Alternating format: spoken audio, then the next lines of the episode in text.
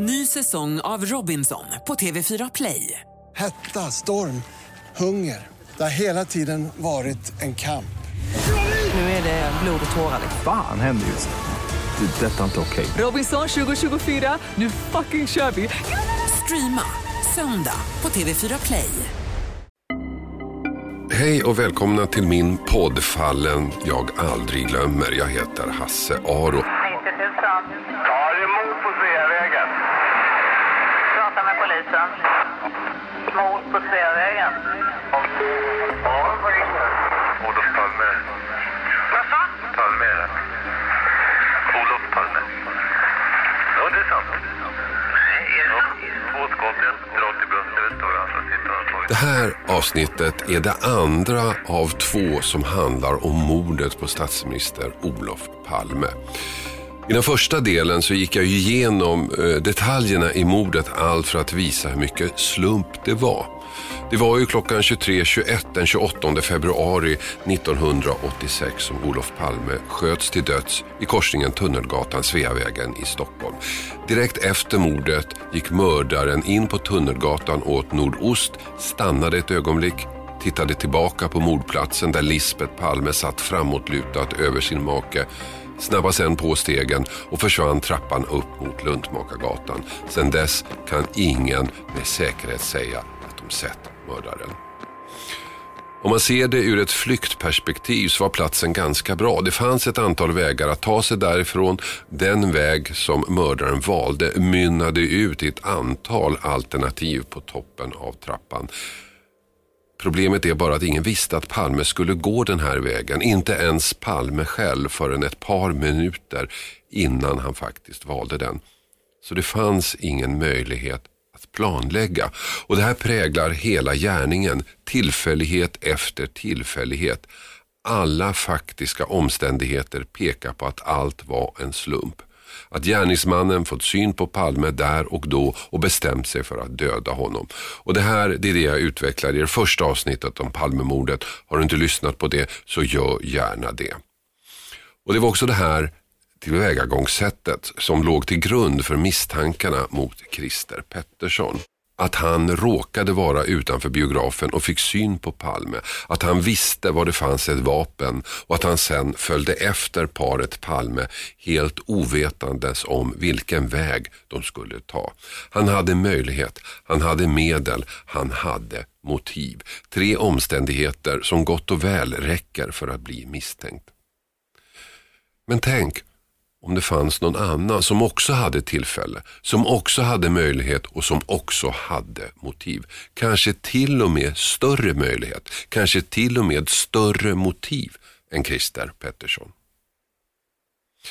I augusti 2008 körde två poliser till en lägenhet i Huddinge för att se om de kunde hitta den 56-årige Christer A. Hans bror hade nämligen ringt polisen eftersom han var orolig för sin bror. Christer A var deprimerad och brodern hade inte hört av honom under en längre tid. Kunde man skicka en patrull för att se att allt var okej? Vad brodern inte berättade var att Christer A under några år varit föremål för Palmeutredningens intresse, att han hade förhörts flera gånger, att många i Palmegruppen såg honom som misstänkte nummer ett. Det här var bara känt i Palmegruppen. Polispatrullen som åkte till lägenheten visste inget. De två poliserna kommer fram och ringer på flera gånger, ingen reaktion. Då knackar de hårt på dörren och ropar öppna. Det är polisen. Svaret blir ett skott. Ett vapen avfyras in i lägenheten. När polisen lyckas bryta sig in hittar de Christer A död på golvet. Han har skjutit sig själv med ett jaktgevär. Varför? Det vet vi inte. Men kanske trodde han att polisen nu lyckats genomskåda hans lögn. Kanske trodde han att de kom för att hämta honom för mordet på Olof Palme. Ingen i Palmegruppen får reda på det här självmordet så lägenheten töms och allt slängs. Och med det också kanske sista möjligheten att få svar på frågan mördade Christer A. Sveriges statsminister? Vad var det då som en gång i tiden fick upp utredarnas intresse för Christer A? Jo, det var de tre klassiska M-en. Motiv, möjlighet och medel. Motiv. Palme och regeringen hade precis infört nya skatteregler vilka fick Christer As ekonomi att falla samman. Möjlighet. Han bodde i Vasastan i Stockholm nära biografen Grand som Palme besökte innan han blev mördad. Christer A rörde sig ofta i området och hade inget alibi för mordnatten. Medel den tyngsta indicien av dem alla. Christer A ägde nämligen en Smith Wesson revolver av samma typ som användes vid mordet. Den enda kända revolvern som faktiskt aldrig har provskjutits. Och det var naturligtvis den revolven som gjorde att polisen först fick upp ögonen för honom. I utredningen samlade man in alla kända revolvrar av den här typen och kallade alla licensinnehavarna till förhör. En ren rutinåtgärd. Bland dem fanns Christer A. Men han kom aldrig till polisen och hörde aldrig av sig. Och någonstans där försvann polisens intresse för honom. Förmodligen drunknade först i alla konspirationsteorier och sen när Christer Pettersson greps riktades allt intresse mot honom. Men 1995 hölls så det första förhöret med Christer A och naturligtvis frågar man om vapnet. Det har jag sålt, sa han. Till vem då? Till en skum typ jag mötte på stan, blev svaret. Och hans historia är minst sagt märklig. Enligt honom behövde han pengar så han erbjuder en person han tycker verkar skum att köpa hans revolver. Skummisen tackar ja och de bestämmer sig för att mötas i Kungsträdgården. Därifrån åker de gemensamt till Skeppsholmen där utbytet sker. Christer A får 5 500 kronor för vapnet säger han. Ingen tror förstås på det här. Istället börjar man en närmare undersökning av Christer A. Och en mängd märkliga fakta kommer fram som stärkte de tre M. Vid tiden för mordet hade Christer A inget fast jobb. Han hade fram till 1984 hankat sig fram på olika ströjobb när han plötsligt vinner en större summa pengar. Pengar som man investerar i aktier som man sen belånar och köper mer aktier för som går upp i värde och kan belånas ännu mer för att köpa ännu fler aktier. Det här är en ganska riskabel investeringsstrategi men fungerar så länge aktierna går upp. Men går de ner kan förlusten bli total eftersom skulden plötsligt är större än aktiernas värde. Och det är vad som hände Christer A. Dagen före mordet hade regeringen infört en ny aktieskatt som fick börsen att rasa med 8% på en enda dag. För Christer A blev det en katastrofal förlust. En förlust han höll Olof Palme ansvarig för. Så stor var hans vrede att han sköt sönder sin TV när Palme intervjuades. Motiv fanns alltså. Christer A bodde på Hälsingegatan, inte så långt från biografen Grand. Han uppgav ett alibi för natten, ett alibi som inte höll.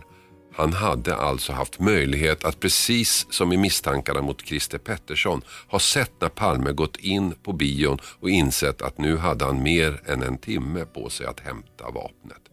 Möjlighet alltså. Och vapnet ja det största m av dem alla. Han hade ju faktiskt ett vapen som passade in.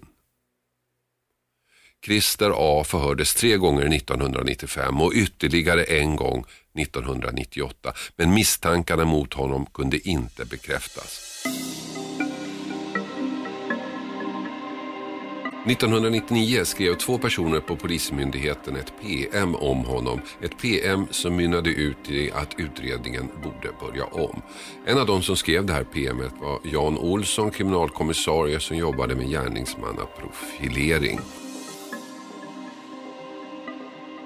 Jan Olsson, välkommen hit till min podd igen. Vi pratade i förra avsnittet om eh, själva mordet och vi kom fram till att det mest sannolika, eh, eller vi uteslöt all, alla andra möjligheter, nämligen att det är en ensam gärningsman som, ska göra, som skulle ha gjort det här och att det är en slumpmässig eh, gärning. Gärningsmannen ser eh, makarna Palme på, på stan, förmodligen vid bion redan och eh, följer efter dem och utför det här dådet när, när han tycker att eh, tillfälle ges.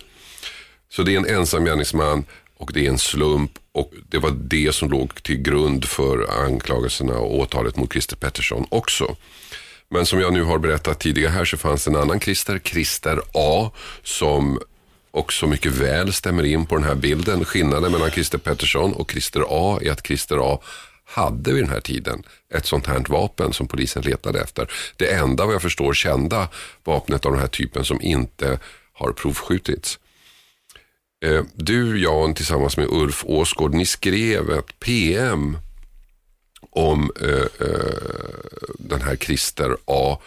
Och det var ett PM som skrevs efter att han hade förhörts flera gånger och, och varit aktuell i utredningen.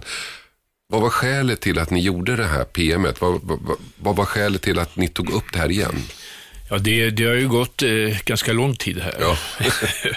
Så att eh, jag kommer faktiskt inte ihåg vad, vad skälet kunde vara Nej. till att vi gjorde det.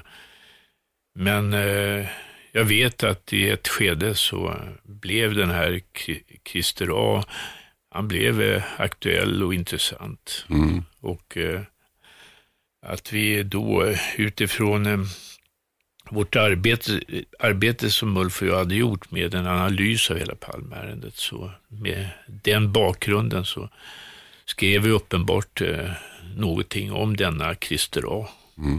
Vad skulle du då säga utifrån din professionella synpunkt talar för att Christer A skulle ha utfört det här mordet?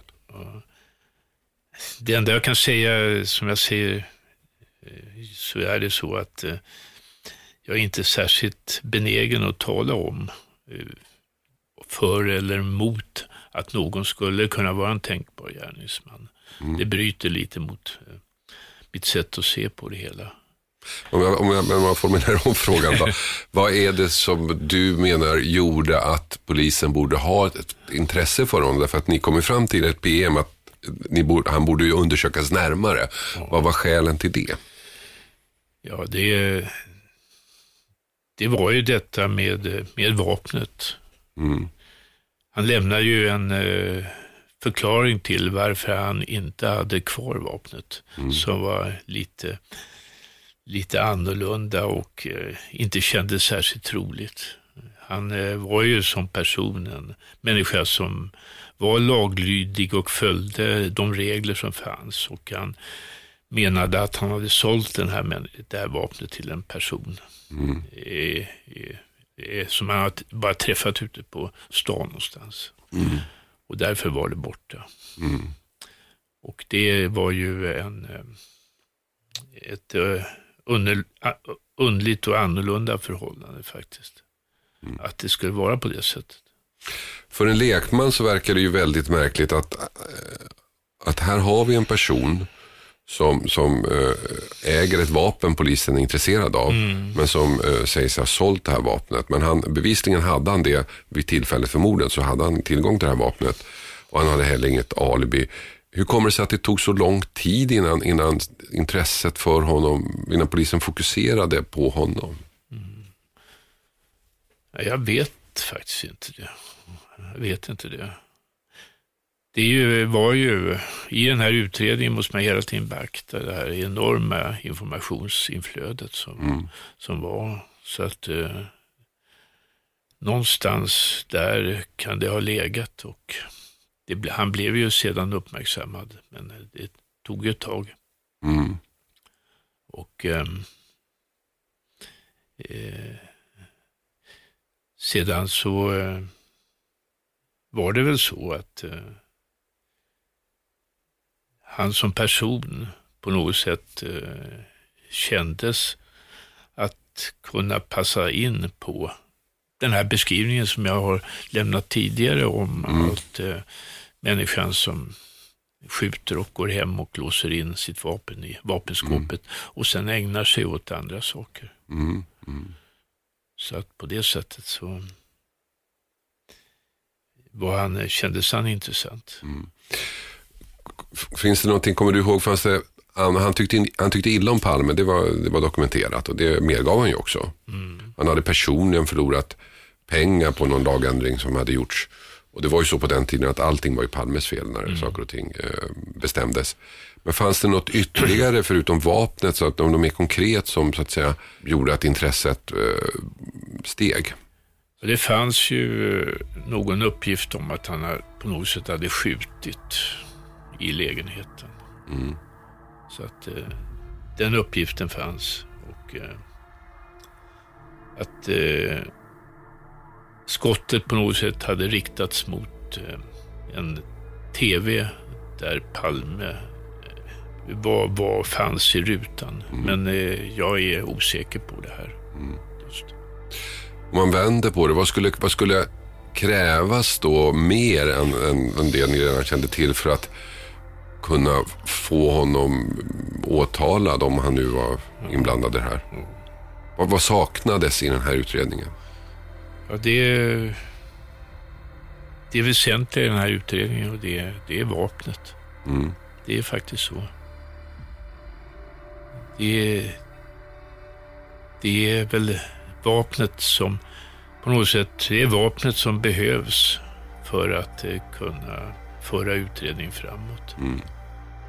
Det. För det var vi lite inne på i förra avsnittet. Du pratade om det här eh, ensamma gärningsmannen. Och i det här fallet då så krävs det väl eh, ja, vapnet som du säger. Men någonting som ändå kunde bevisa att han... Det finns, det finns liksom ingenting som för ner honom på svävägen som poliser brukar säga. Nej, så är det ju. Jag känner inte till eh, utredningen närmare. Jag vet att han eh, togs in för förhör och, och eh, man gjorde vad man kunde. Men eh, så blev det. Och sen det faktum att när polisen kommer till honom i ett helt annat ärende, men det vet ju inte han. Så tar han, väljer han att ta livet av sig. Ja, det är klart, det är, det är anmärkningsvärt. Men, Vad tror du, kommer vi att få sanningen någon gång?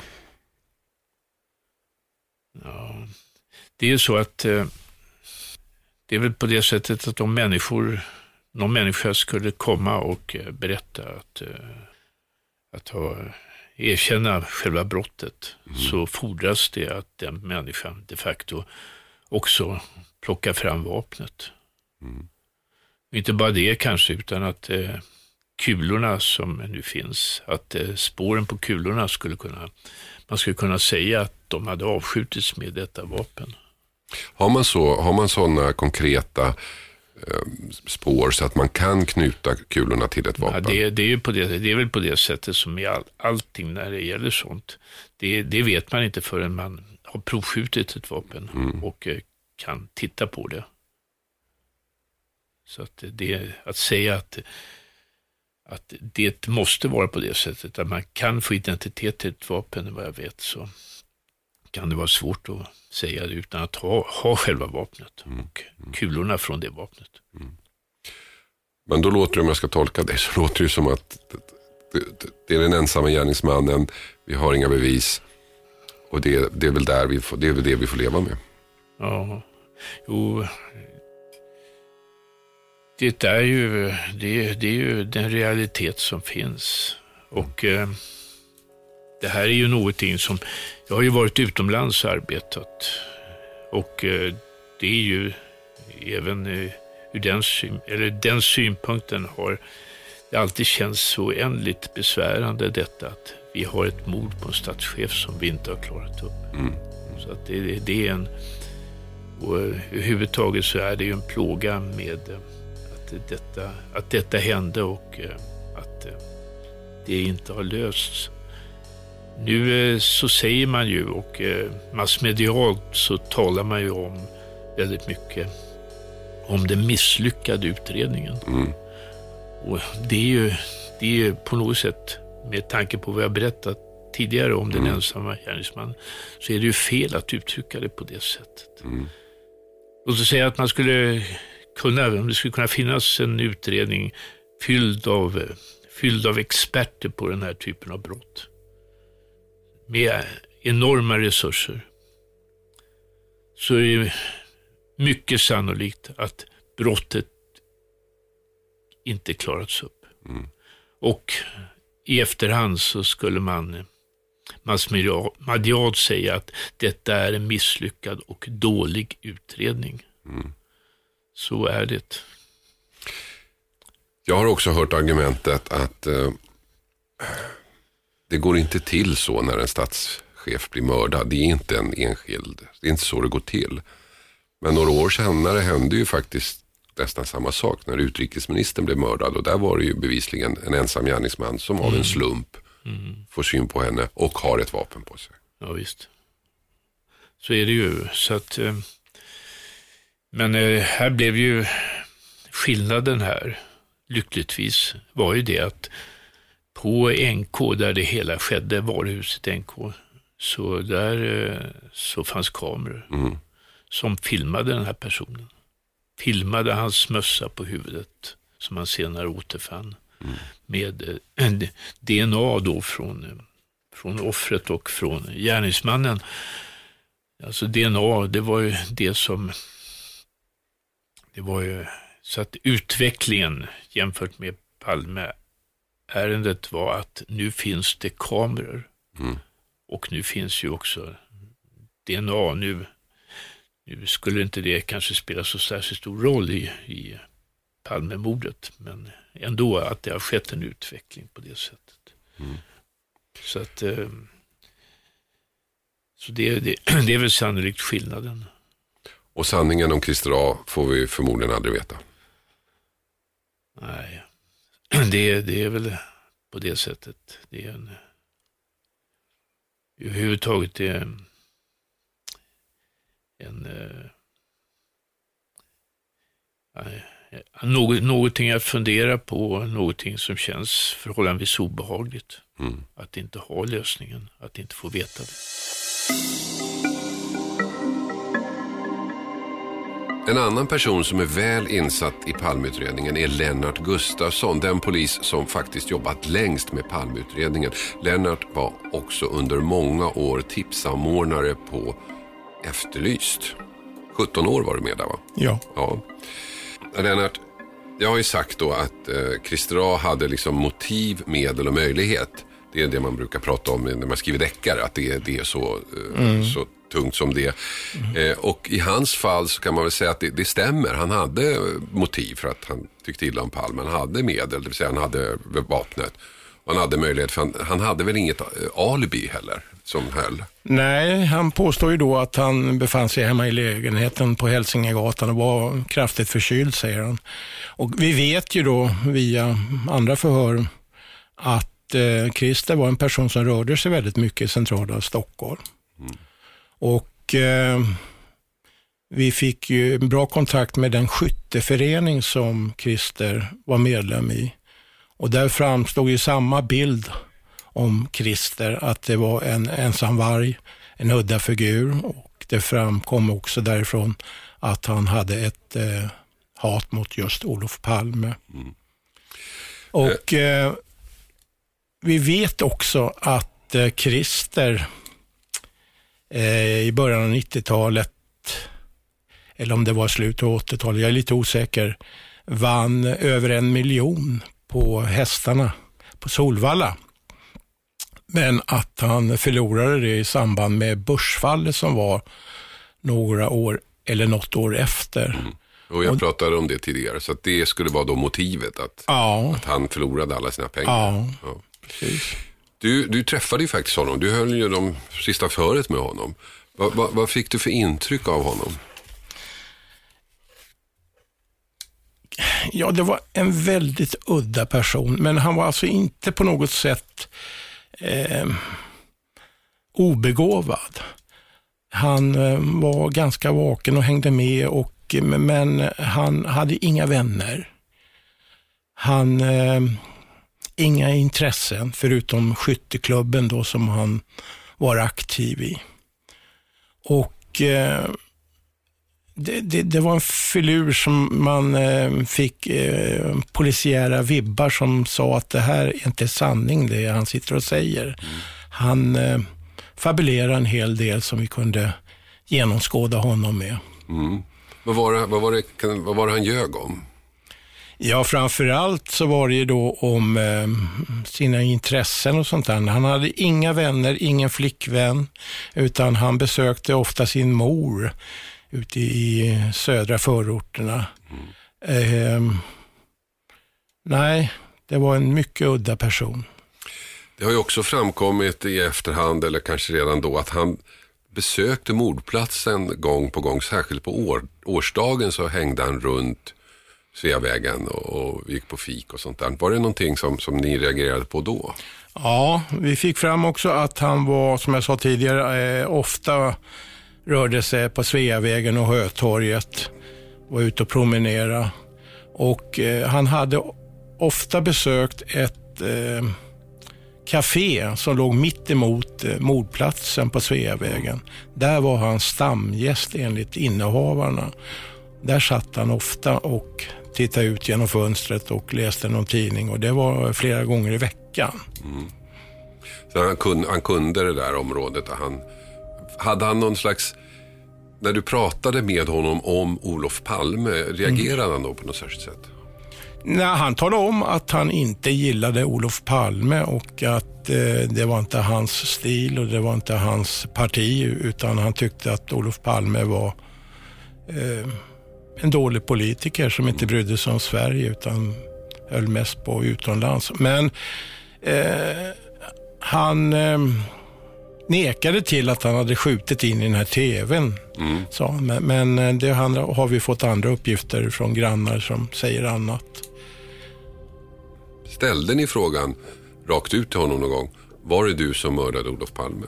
Ja, den ställde jag ett flertal gånger och försökte komma honom närmare. Men han nekade till det. Han hade inte varit på Sveavägen den här kvällen.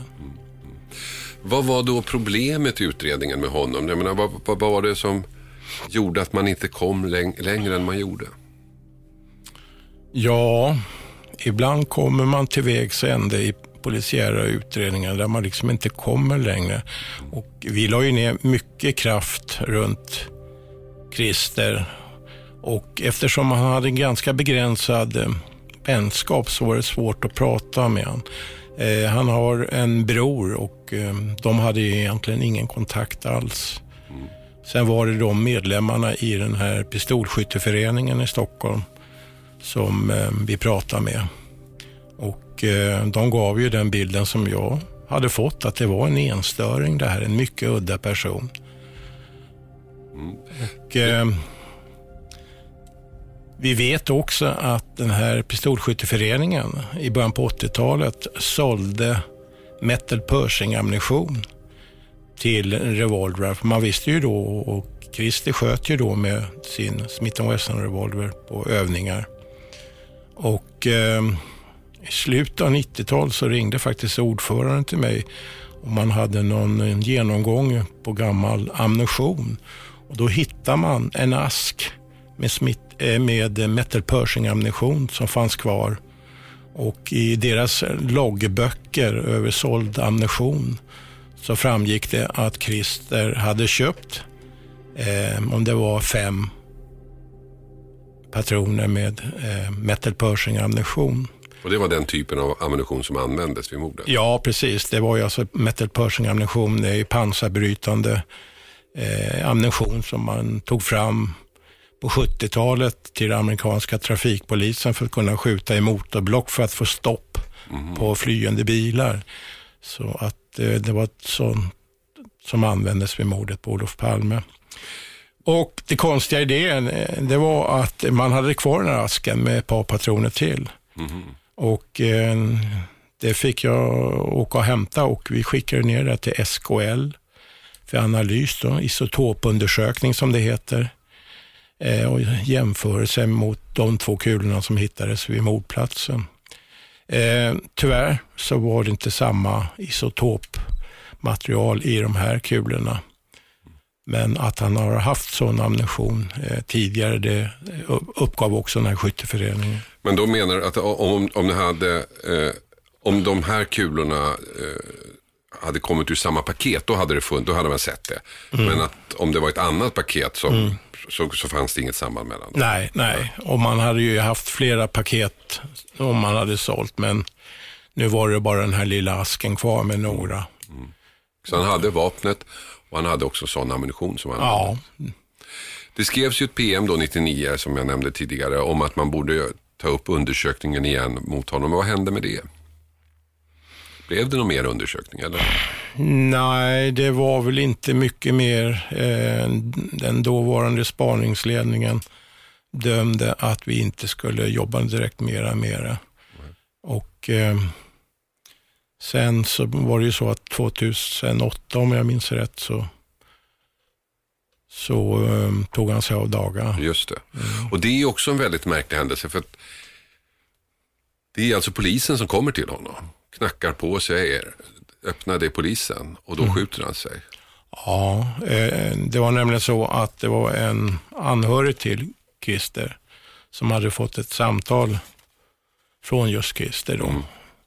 Och då hade han sagt att han var trött och inte ville leva. Och då blev den här personen orolig och ringde till Stockholmspolisen och meddelade det här. Och då skickar man en, en ordningspatrull till adressen. Och när man står då och ringer på dörren och knackar på dörren och talar om att man är från polisen så hör kollegorna ett skott. Och eh, när man väl kommer in i lägenheten så är Christer död. Mm. Mm.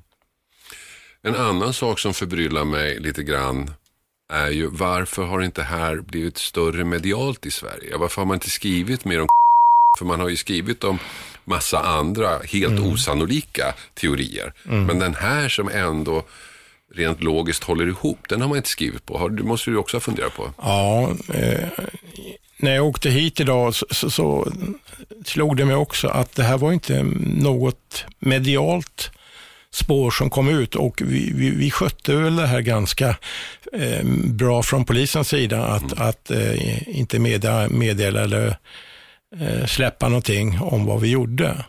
Men däremot så mm, vet jag ju att när jag medverkade i Efterlys så eftersökte vi ju den här revolven då som, som eh, Christer uppger att han har sålt till en man i Kungsträdgården. Och, eh, vi trodde väl att media skulle haka på mer av det, men eh, så blev inte fallet. Det är för mig också väldigt konstigt tycker jag. Därför att man brukar ju i polisiära sammanhang eh, säga att man ska få ner en misstänkt på Sveavägen. Det vill säga att man ska, det ska hänga ihop logiskt. Och det gör det ju med honom. Det finns ju ingenting, som, det finns ju ingenting direkt som talar emot att det var han. Det finns inga bevis emot som liksom gör att man kan skriva av honom. Nej, det, alltså, ett Palmehat förelåg. Revolven hade han. Ammunition använde han och det var metal Pershing ammunition. Palmehatet som sagt var och eh, just den här typen att eh, inte ha några vänner, en ensam varg som rör sig. Och så bodde han i området också. Ja, inte långt ifrån mordplatsen. Vad, vad var det då som gjorde att det polisiära intresset för honom ändå dröjde ganska länge? Alltså, Christers namn dök ju upp i samband med den här vapenkontrollen som skedde i slutet av 80-talet, början av 90-talet tror jag det var. Då dåvarande spaningsledning bestämde att vi skulle ta in alla legala vapen och då utgick man från att en tänkbar gärningsman skulle ha ungefär en och en halv timme på sig om han nu har befunnit sig utanför biografen Grand och sett paret Palme och sen då kanske inte har revolven på sig utan är tvungen att åka hem och hämta den. Då räknar man med att eh, en och en halv timme skulle det ta om man nu hade bil. Och eh, därefter så eh, drog vi liksom en eh, cirkel att eh, Stockholm, Storstockholm och ut mot Södertäljehållet och ut mot Norrtäljeområdet skulle man hinna fram och tillbaka. Och det slutade med att det var ungefär 450 personer som blev kallade med sina vapen. Och minns jag rätt så var det bara en som inte svarade på de här kallelserna. Och det var Christer. Men han, eh, han, hade då sin eh, historia där om hur han hade sålt det här vapnet. Tror du att han någonsin sålde vapnet eller har, tror du att han gjorde sig av med det? Alltså förstörde det eller grävde ner det? Eller någonting? Han påstår ju då att han var i behov av pengar och vi pratar om 4 500. Och eh, vi vet att han har haft en miljon i vinstpengar från Solvalla. Och vi vet att han förlorade mycket pengar i samband med eh, ett börsfall som var i slutet av 80-talet, tror jag det var. Och eh, det fick Olof Palme skulden för. Och när jag ställer frågan till honom, eh, du som är någorlunda intelligent Christer, uttryckte jag mig. Du måste väl begripa att säljer du ett legalt vapen till en okänd person som kanske ska ha det i brottsligt syfte och han blir, eh, åker fast på det. Man kontrollerar vapnet så är du innehavare, då kan ju du bli misstänkt. Och det är ett brott också att sälja ett vapen eh, till en okänd så att säga, som inte har licens för vapnet. Så att det var mycket frågetecken och eh, han svarade på frågor som han tyckte var relevanta. Annars så hånlog han väldigt ofta mot mig. Han hade ingen förtroende för polisen, det sa han vid flertal gånger. Det finns ju också det man slås lite grann av när du beskriver honom och jag menar, man ser bilder på så att det finns ju likheter mellan honom och Christer Pettersson som person och sådär. Det här Ja. liksom, det du berättar om, lite överlägsna attityden. Att liksom anser Ja. sig själv vara lite smartare än, än förhörsledaren. Ja, det stämmer. Det, det kan jag hålla med om också. Och eh, vad det gäller typen kropp och allting och hur han rörde sig tycker jag stäng, stämmer med en del signalement som är lämnade utav vittnen på mordplatsen. Till sist då, om det här vapnet skulle dyka upp, skulle det innebära någonting eh, rent utredningstekniskt eller är allting för sent nu? Ja, det beror ju på vilket skick den här revolvern är. Eh, om den nu finns kvar så att säga. Personligen så tror jag nog att Christer har slängt det, kanske i havet eller någonstans, inte vet jag. Men, men eh, att han skulle ha sålt det för 4 500 kronor till en okänd person, det, det kändes inte sanningsenligt när han berättade. Tack Lennart för att du kom. Tack.